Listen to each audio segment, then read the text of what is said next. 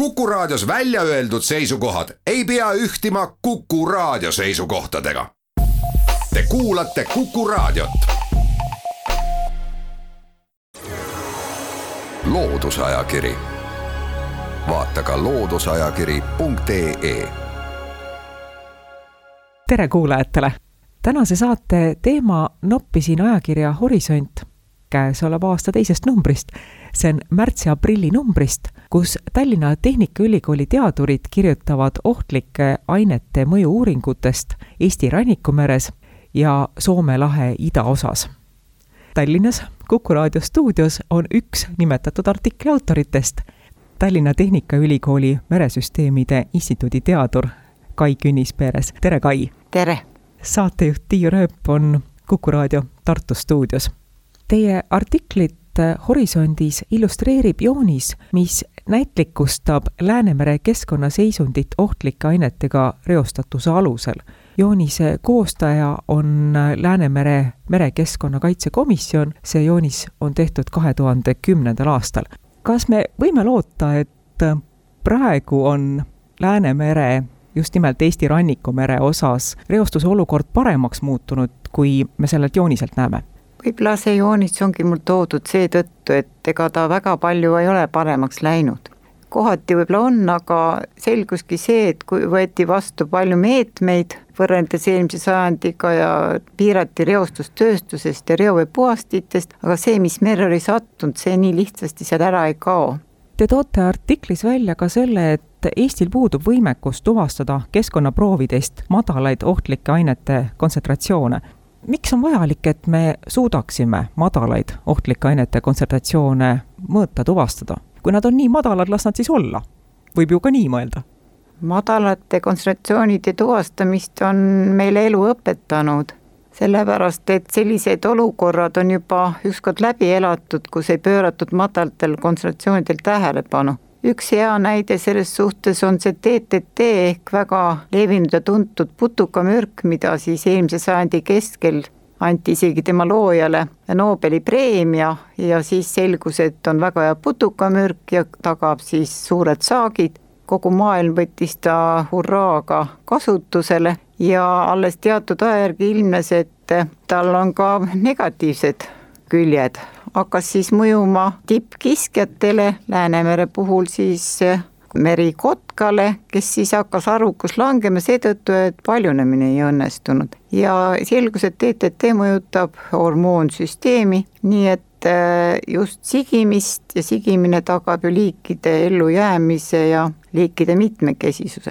nüüd pärast seda, kui see keelustati, on hakanud see DDT sisaldus keskkonnast langema, langenud siis üsna madalale juba eelmise sajandi lõpul ja üheksandast aastatest on siis hakanud ka kasvama kotka populatsioon Läänemeres ja tänaseks võib öelda, et ta on nüüd taastunud aga neid jääke võib ikkagi leida veel looduses just seetõttu, et DDT on väga raskesti lagunev, kuigi ta on juba keelustatud, kuigi ta on ka lubatud teatud malaaria ohuga riikides tänaseni, kus on siis arvestatud seda malaaria ohtu suuremaks kui keskkonnaohtu ja see oli siis üks õppetund, mida inimene peab meeles pidama, kui ta hakkab võtma vastu igasuguseid mürke kasutusele ja neid äh, loodusse paiskama ja teine niisugune huvitav näide, mis on kaasaegsem ja hilisem, on olnud, äh, mida võivad ravimid teha. et kui inimene mõtles, et ta on väga kaval ja hakkab siis loodust üle kavaldama, võttes siis rasestumisvastaste vahenditena kasutusele sünteetilise naishormoon ja tema homoloogid ja pannes need näiteks antibeebipillidesse ja plaastrite peale, et elu oleks lihtsam siis peagi ilmus, et sellel kaasnevad jällegi teatud negatiivsed küljed, mitte nüüd võib-olla just inimesele, aga teistele organismidele. esimene niisugune huvitav näide oli, kui Hollandis selgus, et emise farmis enam emised ei anna põrsaid. hakati uurima, mis on viga, emised olid heas konditsioonis ja tervise juures ja hakati uurima, mida neile süüa antakse selgus, et emistele on siis nuum toidus suhkrupeedisiirup. Suhkrupeedi põlde kasteti puhastatud reoveega. nagu on teada, reovee puhastus võtab hõljuaineid ja orgaanikat vähemaks ja ka lämmastikku ja fosforit teatud määral vähemaks, aga seda jääb ka sinna sisse ja seda saab ikkagi väetusena kasutada, aga sinna sisse oli nüüd jäänud ka näiteks see sünteetiline naissuguhormoon, mida ühel hetkel hakkasid naised massiliselt tarbima ja see ei lagune looduses ja siis jõudis lõpuks siis Emiste Varmi Emistes toidulauale, kes ka peale seda ei rasestunud, ei tiinestunud enam, nagu öelda. nii et see oli see esimene koht, kus äh, ravimireostus võib-olla väga ilmekalt esile tuli. kuidas teie kui ökotoksikoloog hindate, kas ravimireostusest kui probleemist räägitakse piisavalt?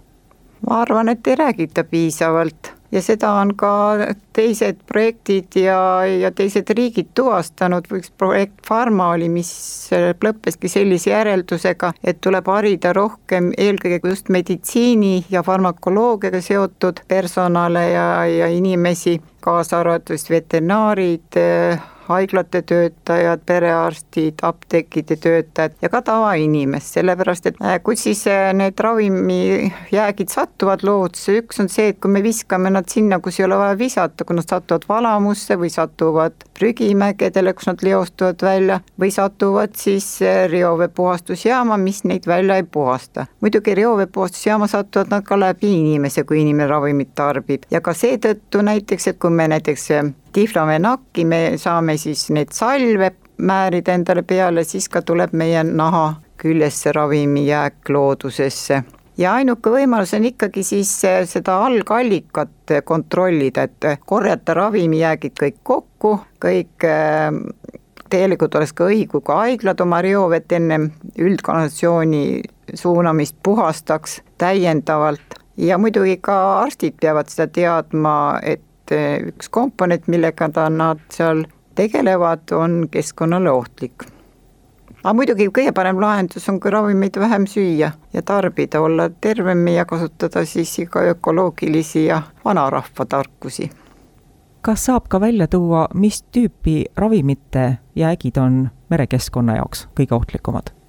aine ohtlikkust määratakse tänapäeval selle järgi, kolm põhilist tunnust on. üks on, et ta on, kõigepealt ta peab olema mürgine või, või mingis kontsentratsiooniis ohtlik. teine on see, et ta on püsiv, see tähendab, ta keskkonnas ei lagune.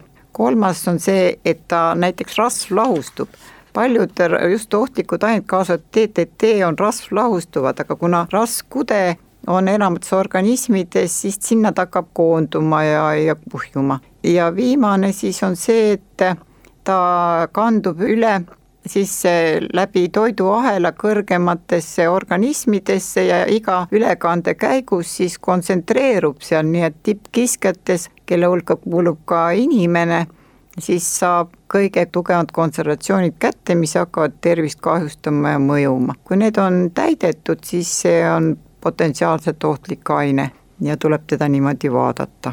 nüüd on aeg teha jutuajamisse väikene paus Loodusajakiri.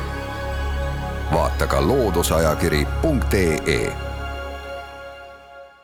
loodusajakiri on pausilt tagasi. saatekülaline Kai Künnis-Peeres on Kuku raadio Tallinna stuudios, saatejuht Tiiu Rööp Kuku Tartu stuudios ja me jätkame oma jutuajamist merereostuse ja ohtlike ainete teemal kui me vaatame üldsegi, et mida loetakse ohtlikeks aineteks, see on muidugi ajaloos muutunud, kõige esimesena käsitleti ohtlike ainetega nõndanimetatud raskemetalle, nad ei ole kõik rasked, see nimetus raskemetall on toksikoloogias just nende ohu mõttes. siia kuuluvad ka tegelikult arseen ja alumiinium, mis on tegelikult ei ole eriti rasked, aga põhiliselt on ikkagi nagu kroom, koobalt, plii, elavhõbe need on kõige võib-olla ohtlikumad. Ja tina ja kui metalle vaadata, siis on ohtlikud just need, mida tavaliselt organismis loomulikul moel ei esine, kui meil mõnda nagu vaske või rauda on organismis loomuomaselt, siis tema nii ohtlik ei ole. Nüüd teised on need äh, keerulised molekulid, eriti kui neil on mingi benseeni tuumasarnased äh, konfiguratsioonid seal sees, nagu polükloreeritud bifenüülid, seal on veel ohtlikuks teeb see, et seal on kloor sees, mis on suhteliselt toksiline, siis polüfluoreeritud akrüülid ja sarnased ühendid, need on siis niisugused ained, mis on võetud kasutusele just seoses ka arvuti igasuguste materjalidega ja, ja õlidega ja no paljudel erinevatel tööstusharudes ja mille ohud on ka nüüd ilmnenud üsna sarnased. siis on veel ftalaadid, mis on pärit ka plastikust, dioksiinid, mis on pärit siis põletusprotsessist ja pestitsiidid. pestitsiidid on ka ju sellised kemikaalid, mis on tehtud just elu hävitamiseks, kuigi mõeldakse esialgu, et see elu on väiksemal moel ja lihtsam, aga elu on elu. Te olete mikrobioloog ja, ja meremikrobioloog. Öelge, kui palju uuritakse mere mikrofloorat üldse, näiteks sellesama reostuse või ravimijääkide mõju osas? on see üks aktuaalne uurimisteema?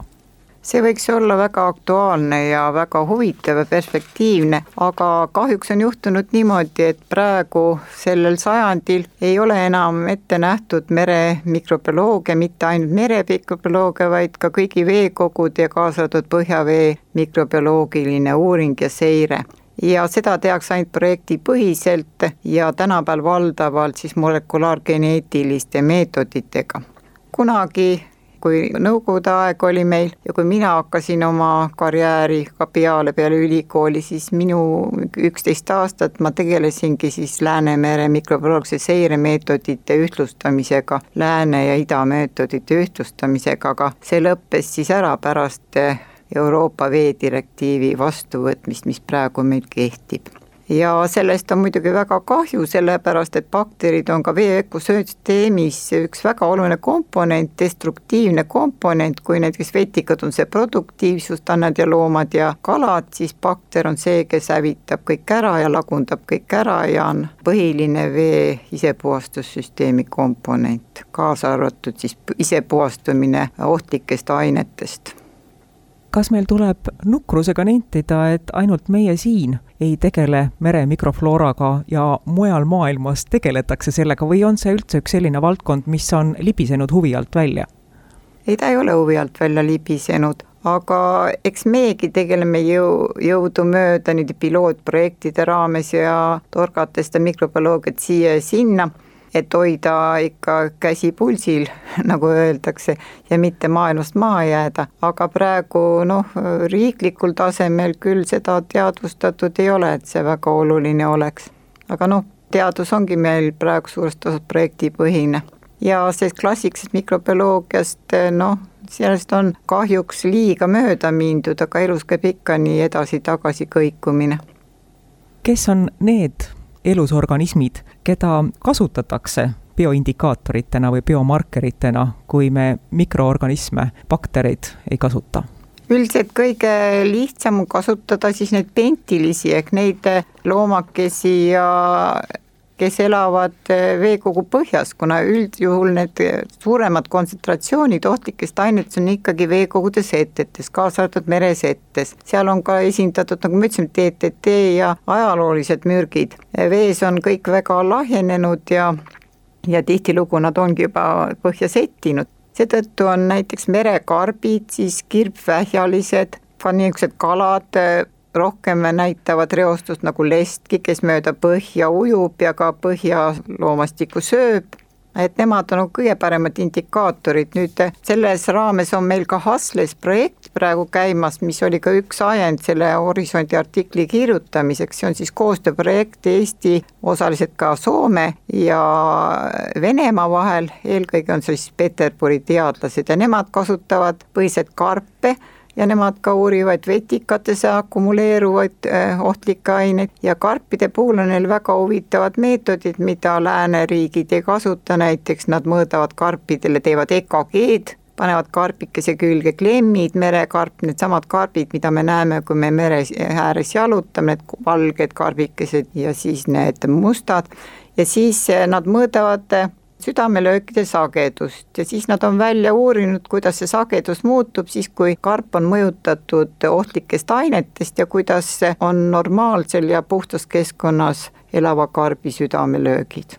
kõige otsesemalt saab muidugi karpidest infot siis, kui me võtame karbiliha, saadame selle analüüsimiseks ja näeme, et seal on mingid ohtlikud ained sees, siis me võime öelda, et vot kui karpi sööb lest, kes sööbki põhiliselt merekarpe või ka ümarmudil, kes ju on meil küll võõrlik, aga sööb merikarpe. Ja siis me võime öelda, et kui tema sööb neid ohtlikke aineid sisaldavaid karpe, siis on lestaliha ka ohtlikke aineid sisaldav. Ja see on juba inimese toidulaud ja meile otseselt huvi pakkuv meie uurime siin rohkem vesikirbukatseid ja kaasa arvatud on üks meetod, on siis vesikirbude munade uurimine ja seal munade sees on need looted, kes arenevad ja siis me vaatame neid arenguhäireid. Ja sellega me saame öelda siis, kas see keskkond, kus need vesikirbud on pärit, kas ta võib olla genotoksiline, mõjuda siis järeltulevale põlvkonnale ohtlikult, mis ongi tegelikult kõige suurem oht, mida tuleks tuvastada meil tuleb kahjuks tänaseks saade lõpetada, aga kes tunneb huvi, kuidas uuritakse ohtlike ainete mõju Eesti rannikumeres ja Soome lahe idaosas, soovitame ajakirja Horisont märtsi-aprilli numbrit. selles leiduvad tänase saatekülalise ja tema kolleegi Ivan Kuprjanovi artiklit. aitäh, Tallinna Tehnikaülikooli Meresüsteemide Instituudi teadur Kai Künnis-Peeres saatega liitumast, aitäh jutuajamise eest! Suur tänu teile! suur tänu teile kutsumast, hea meelega räägin. aitäh kuulajatele, jälle kuulmiseni! loodusajakiri, vaata ka looduseajakiri.ee